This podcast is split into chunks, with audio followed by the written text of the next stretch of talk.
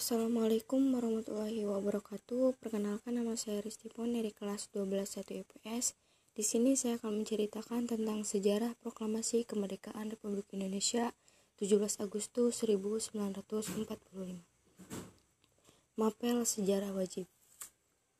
Sejarah proklamasi kemerdekaan Republik Indonesia 17 Agustus 1945 pada saat itu, sebelum Soekarno memecahkan teks proklamasi pada tanggal 17 Agustus 1945, banyak sekali peristiwa yang terjadi yang berlatar belakangi terjadinya pembacaan proklamasi kemerdekaan Republik Indonesia.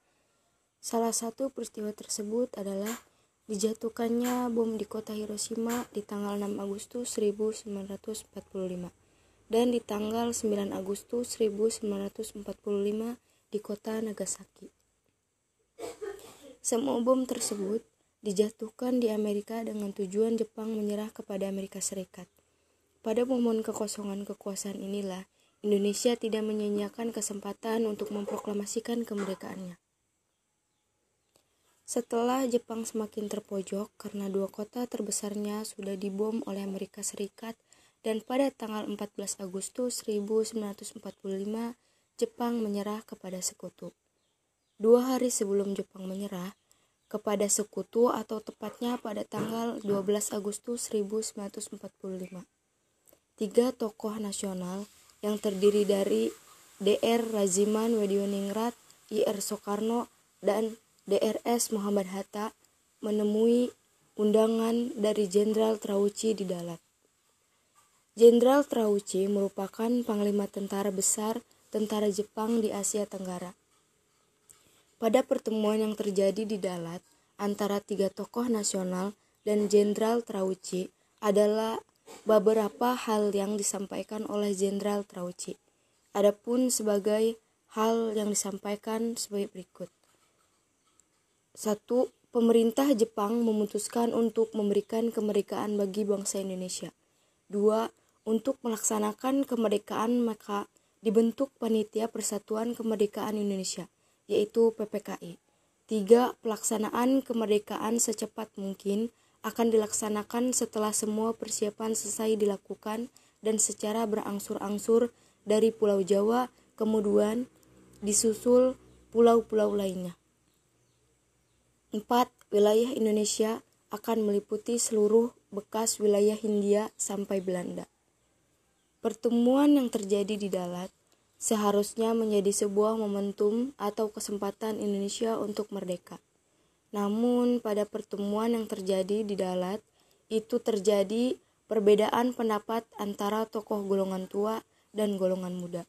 Hingga pada akhirnya perbedaan yang terjadi mendapatkan titik temu. Soekarno dan Muhammad Hatta kembali ke Jakarta setelah semua urusan di Dalat selesai. Meskipun Soekarno dan Muhammad Hatta diantar oleh Laksmana Muda Tadahashi Maeda untuk menemui Mayor Jenderal Michiro Yamamoto, Kepala Staf Tentara Angkatan Darat yang menjadi kepala pemerintahan militer Jepang di Hindia, Belanda. Sebagai salah satu sosok tokoh kemerdekaan, Muhammad Hatta telah banyak membuat karya bagi bangsa Indonesia yang dirangkum dalam buku karya lengkap Bung Hatta, buku Kemerdekaan dan Demokrasi. Namun Mayor Jenderal Mochiro Yamamoto tidak ingin menerima Soekarno dan Muhammad Hatta dan segera memberikan perintah kepada Mayor Jenderal Otoshi Nishimura, Kepala Departemen Urusan Umum Pemerintah Militer Jepang, untuk menerima kedatangan rombongan itu. Ketika menerima pertemuan dengan rombongan itu, Nishimura mengungkapkan bahwa sejak siang hari pada 16 Agustus 1945 telah menerima perintah dari Tokyo bahwa Jepang harus menjaga status quo sehingga tidak bisa memberikan kemerdekaan kepada Indonesia. Padahal saat bertemu Marsekal Trauci di Dalat, ia sudah menjanjikan kemerdekaan untuk Indonesia, sehingga Soekarno dan Hatta merasa kecewa. Pada akhirnya Soekarno dan Hatta meminta kepada Nishimura supaya tidak menghalangi kerja PPKI. Setelah pulang dari rumah Nishimura, Soekarno dan Hatta pergi ke rumah Laksmana Maeda yang diiringi oleh Misoi untuk melakukan rapat mempersiapkan teks proklamasi. Penyusunan teks proklamasi dilakukan oleh Soekarno, Muhammad Hatta, Ahmad Subarjo, serta disaksikan oleh Soekarni BM, Dia Sudiro, dan Sayuti Melik. Pada saat perancangan teks proklamasi, tiba-tiba Shigetada Nishijima seolah-olah mencampuri penyusunan teks proklamasi dan memberikan saran agar pemerintahan kekuasaan itu hanya beraktif kekuasaan administratif.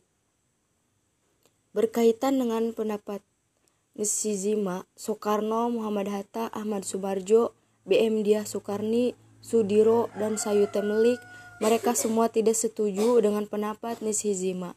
Tetapi di beberapa kalangan pendapat Nishijima masih diagungkan.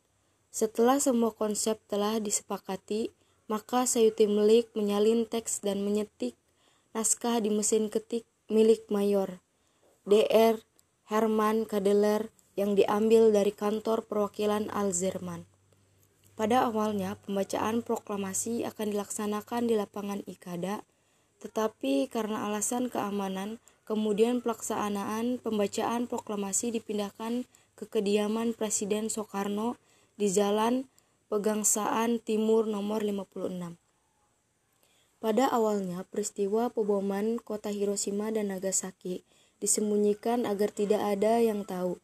Tapi pada akhirnya, peristiwa tersebut terdengar sampai ke telinga para pemuda lewat siaran radio BBC di Bandung sehingga membuat mereka segera bergerak dan meminta proklamasi kemerdekaan Indonesia sehingga dikumandangkan. Para pemuda tersebut di bawah pimpinan Khairul Saleh melakukan rapat dan rapat tersebut menghasilkan beberapa keputusan, yaitu kemerdekaan adalah hak rakyat Indonesia, pemutusan hubungan dengan Jerman, dan IR Soekarno dan Muhammad Hatta diharapkan untuk segera membacakan proklamasi kemerdekaan.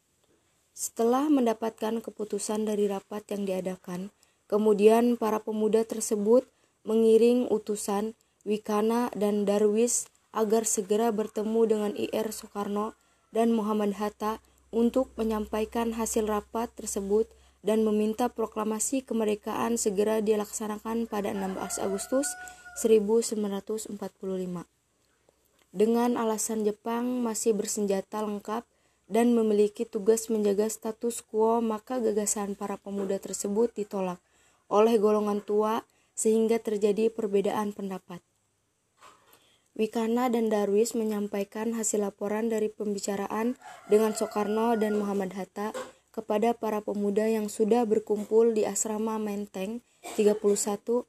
Para pemuda yang berkumpul terdiri dari Kairul Saleh, Yusuf Kunto, Surasman, Johan Nur, Singgih, Mandani, Sutrisno, Sampun, Subadio, Kusnandar, Abdurrahman, dan DR Muwardi. Para pemuda tersebut merasa kecewa setelah mendengar hasil laporan tersebut, sehingga membuat suasana rapat menjadi panas. Kemudian para pemuda tersebut membuat gagasan untuk mengamankan Soekarno dan Hatta untuk dengan cara keluar kota yang jauh. Untuk hal ini, para pemuda tersebut menyerahkan tugas ini kepada Sudanco Singgih dan kawan-kawan dari peta Jakarta. Soekarni dan Yusuf Kunto mendampingi Sudanco Singgi dan menjalankan tugasnya. Menurut Singgi, Rangas Dengklok merupakan tempat yang tepat dan aman untuk Soekarno dan Hatta. Pada 16 Agustus 1945, Soekarno dan Muhammad Hatta dibawa ke Rangas Dengklok.